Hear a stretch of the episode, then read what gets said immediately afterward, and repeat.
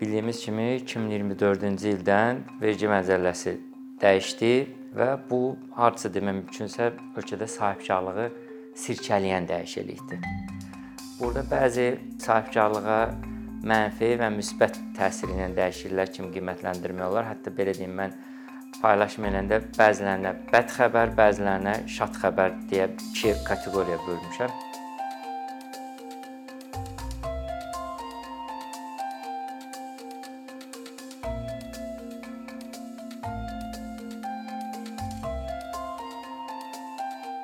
Hamını maraqlandıran dəyişikliyin başında gəlir mikro sahibkarlarla bağlı olan dəyişiklik.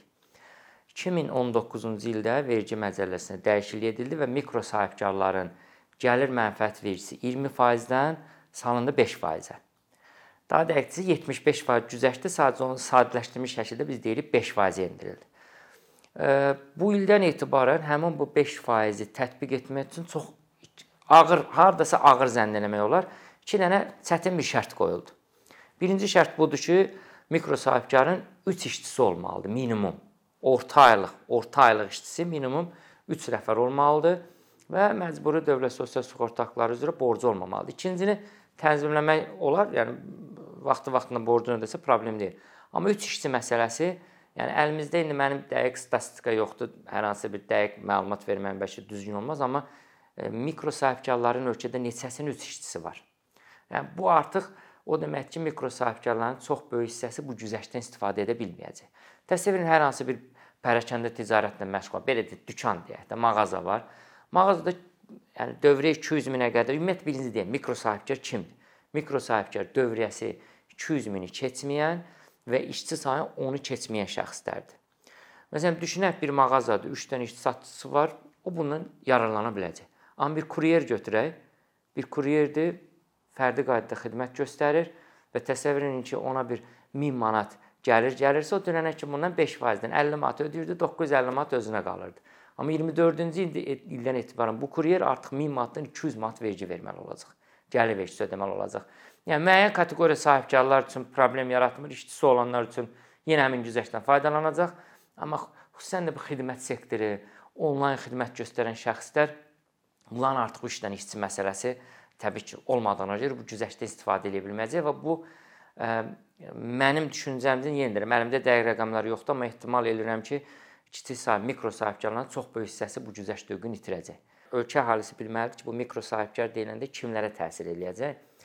Baxın, iki vergi növü var yeni başlayanlar üçün.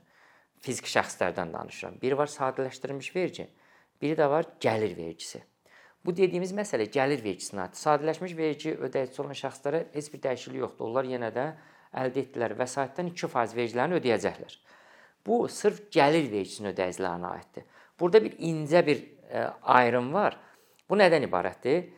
Kimlər ə, e, gəlir vergisinin ödəyicisi olur? Əgər mən fiziki şəxsəm, bir ə, e, xidmət göstərirəm, amma xidməti sıravi əhaliyə, vətəndaşlara yox, şirkətlərə göstərirəm onda mən oluram gəlir vergisini ödəyici, sadələşmiş ödəyici ola bilmərəm. Qanunda belə bir meyar var.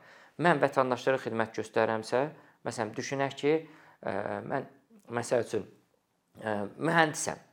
E, mənzil təmir edən şəxslərə dizaynerəm belə deyim. Məsələn, müraciət edirlər, kimsə evin təmir eləmək istəyir, mən onlara dizayn xidməti göstərirəm. Bu adi vətəndaşa xidmət göstərir. Bu dəyişiklik onlara təsir eləməyəcək. Onlar sadələşmiş vergi ödəyicisi olaraq qala bilərlər. Çünki onlar sıravi vətəndaşlara xidmət göstərirlər, 2%-ni ödəyəcəklər. Bir də var, mən şirkətə xidmət göstərirəm. Məsələn, bayaq kuryeri misal çəkdim. Və ya tərcümə xidməti. Məsələn, biri var, tərcüməçilər adətən e, müəyyən tərcümə şirkətlərinə müqavilə bağlayırlar, onlara xidmət göstərirlər. Ə, və ya məsələn, çox soruşuldu bu aralar, bloqerlər var, Trendyol-a xidmət göstərirlər. Onlarla Trendyol arasında artıq şirkətlə işlədiklərinə görə onlar ancaq gəlir vergisinin ödəyicisi ola bilərlər. Onlar dediyimiz o 2% sadələşmiş ödəyicisi ola bilmirlər. Yəni daha ümumiləşdirsək, mən vətəndaşlara xidmət göstərirəmsə 2% sadələşmiş vergi ödəyicisiyəm. Yox, mən sahibkarlara xidmət göstərirəmsə, o halda mən gəlir vergisinin ödəyicisiyəm. Bu halda mən yəni 20% əgər 3 işçim varsa 5% hüququm istifadə edə bilərəm. 5% ödəyəcəm.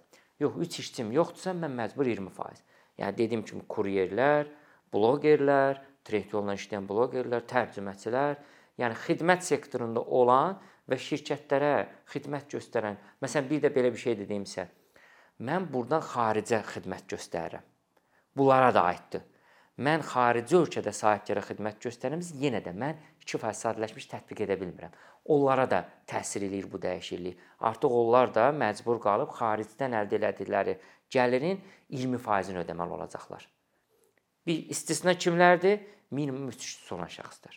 Sahibkarları bəlkə də ikinci ən çox maraqlandıran dəyişiklik riskli əməliyyatlarla bağlı dəyişiklikdir. Belə ki, yeni bir təcrübə gətirildi. Bu nəinki vergi, həm də sahibkarlar arasında münasibətlərə bir yenilik oldu. Bundan sonra sahibkar başqa bir şirkətdən mal alarkən həm də o aldığı mala dair təsdiqedici sənədlər də tələb etməlidir. Halbuki dünənə qədər, yəni nəinki vergi qanunvericiliyi, istər mülki qanunvericiliyi, istər işgüzar adətlərdə belə bir qayda yox idi. Yəni hətta hətta ədəbsizlik kimi qəbul olunardı ki, mən mal aldığım şəxsə deyim ki, mən sənəd verəcəm, sən mal hardan almısan? Amma bu artıq qanunvericiliyə əlavə edildi. Artıq sahibkar bir başqa şirkətlə iş görəndə qanun hətta burada ümumi cümlələr də işlədir. İşgüzar nüfuz, işçi qüvvəsi filan, yəni tam olaraq araşdırmalıdır ki, e, qarşımdakı şirkət yəni saxta şirkətdirmi, kağız üstündə şirkətdirmi, yoxsa real şirkətdir? Artıq müəyyən sənədlər tələb eləməlidir. Bunun çətinlikləri olacaq. Niyə? Məsələn, bu dəyişikliklə bağlı ilk mənim tanıdığım bir sahibkarla danışanda haqlı olaraq belə bir fikir bildirdi ki, Mən istəmirəm qarşı tərəfində şirkət bilsin ki, mən bunu kimdən almışam. Məndə bu malda neçə ədəd var. Rəqabət mühitidir. Belə sıxıntıları var. İndi bunu təcrübədə necə tənzimləməni, tənzimlənəcək açıq bilmirik. İndi gözləyirik ki, Dövlət Vergi Xidməti özü bir münasibət bildirər ki, yəni biz qarşı tərəfdən konkret nəyi almalıyıq? Konkret ondakı o aldığımız mala dair onda olan sənədin özümü? Bu kommersiya sirridir. Mən ondan onu tələb eləyə bilmərəm. Tələb edə bilərəm, amma onu vermək onun vəzifəsi deyil. Bax belə bir sıxıntılı qayda var. Yəni təsəvvür edin ki, mən mal alıram, mal aldığım adamdan aldığım mala dair sənəd istəməsəm, gələcəkdə mən riskli vergi ödəyicisi kimi qəbul olunacam. Və riskli vergi ödəyicisi qəbul olunmaq o deməkdir ki, artıq mən digər sahibkarlarla ə, alış-veriş eləyə bilməyəcəm. Mən düşəcəm qara siyahıya belə deyək və digər sahibkarlar məndən istər-istəməz əməliyyat aparmaqdan çəkinəcəklər ki, çünki mən qara siyahıdayamsa, onlar da qara siyahıya salacam. Kağız üstü şirkətlər deyək də bunlara formal şirkətlər var ölkədə ki, əslində real sahibkarlıq subyektləri deyillər, kağız üstə fəaliyyət göstərirlər, kağız üstündə mal satırlar. Bu neqativ halların qarşısını almaq üçün belə bir dəyişiklik aparıldı ki, çünki artıq əvvəllər məsələn mən bir şirkətdən sənəd mal alırdım, daha sonra vergi orqanı aşkar eləyəndə şirkət avtomatik belə bir reaksiya verirdi ki, mən hardan bilim ki, o saxta şirkətdir belə bir müdafiə vasitəsi var idi. Amma artıq sahibkar belə bir müdafiə vasitəsini istifadə edə bilməyəcək. Yəni deyə bilməyəcək ki, mən hardan bilim? Çünki qanun artıq onun üzərinə öhdəlik qoyur ki, hardan bilim deyə bilməzsən. Sən araşdırmalıydın.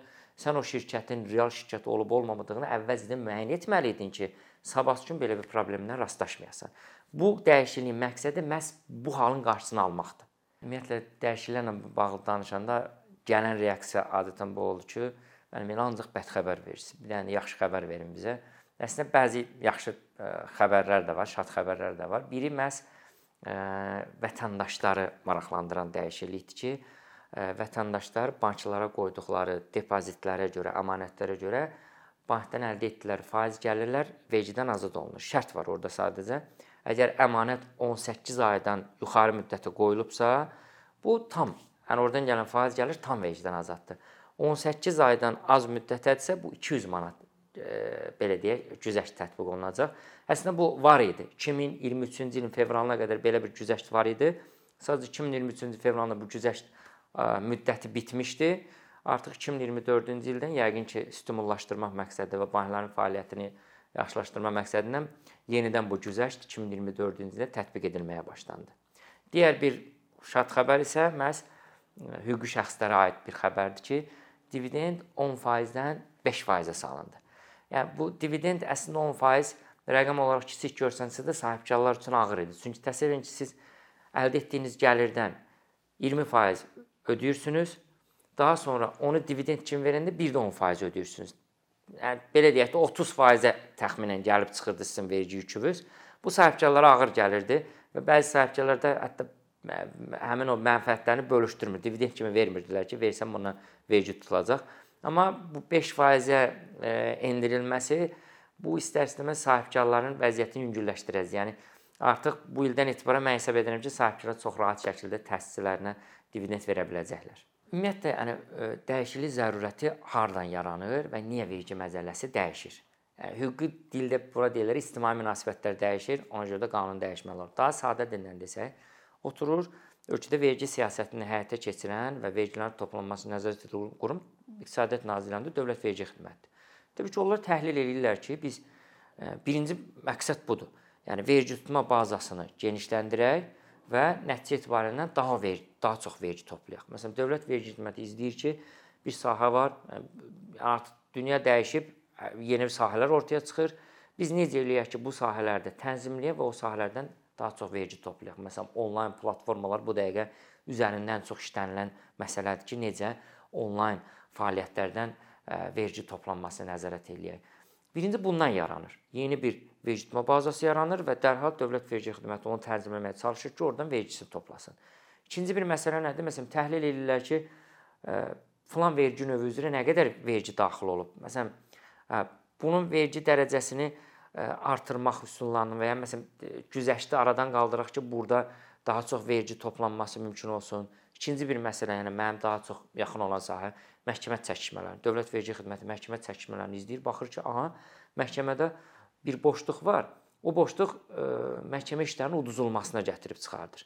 Yəni o dəyişiklik edirlər ki, məsələn, bu həmin o boşluqlar aradan qaldırılsın ki, məhkəmə çəkişməsində vergi orqanı məsələn həmin norma istinad edə bilsin. Və ya ə, müəyyən vergi güzəştləri verilir bəzən ə, dolayı şəkil. Məsələn, mənim bəlkə də ən çox bəyəndiyim dəyişiklikdən biri o idi. Vətəndaşlar ƏDV geri alırlar, ə, sahibkarlıq subyekti nəzarət olunur. Məsələn, MTK-larla bağlı. Vətəndaş artıq MTK-ya ödənilən ƏDV-nin bir hissəsini geri alır və MTK-dan qaymə tə tələb eləyəcək və nəticədə Dövlət Vergi Xidməti bu qaymənin MTK-ların satışına nəzarət eləyir. Yəni dəyişikliyin təbii ki, ən əsas məqsəd daha çox vergi toplamaq daha çox vergi tutma bazası nəzarət etmək və daha çox vergi toplamaq. Yəni bu dəfəki dəyişiklikdə də hiss olunur ki, e, məqsəd məhz e, vergi tutma bazalarına nəzarəti gücləndirmək və nəticə etibarən daha çox vergi toplanmasına nail olmaqdır ki, bu yəni ölkənin vergi siyasətinin bir tərkib hissəsidir. Bu tək Azərbaycana məxsus bir şey deyil. Dünya təcrübəsi budur. Sadəcə burada e, nəzarət olunmalı məsələ nədir? Həm sahibkarlıq, çünki vergi məcəlləsi özü yazır vergi qanunverici sahibkarlığı təşviq etməlidir. Yəni dəyişikliklə formada getməlidir ki, həm büdcəyə daha çox vergi yığılsın, həm də sahibkarlığa təkan verilsin. Bu ikisi paralel getdiyi müddətcə dəyişiklik təbii ki, ölkə iqtisadiyyatına müsbət təsir göstərəcək. Məhz bu məqsədlə də dəyişiklik olundu və e, yəni bu sahədə uzun illər təcrübəsi olan birisi kimi deyə bilərəm ki, bu dəfəki dəyişiklik ölkə sahibkarlığına söz nəqli mənasında zəlzələ effekti verib sirkələyəcək maraqlı bir məsələ var. Vergi məcəlləsi dəyişir. Daha çox sahibkarlar meyllidir bunu öyrənməyə. Halbuki vətəndaşımız da maraqlanmalıdır. Çünki vergi edilən bir dəyişiklik sahibkara təsir eləyir. Dolayısıyla istehlakçı olaraq bu bizə də yekunda təsir eləyəcək. Aldığımız məhsullarda, istehlak etdiyimiz məhsullara da təsir edir.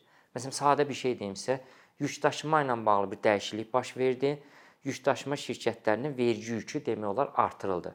Bu bilirsiniz nə deməkdir? Sabahsı gün yükdaşıma şirkəti yükdaşıma xidmətini qaldıracaq, qiyməti qaldıracaq. Bu bizə toxunacaq. Məsələn, kənd təsərrüfatı məhsullarla bağlı dəyişiklik baş verirsə, bu kənd təsərrüfatı məhsullarının qiymətinə də təsir eləyəcək.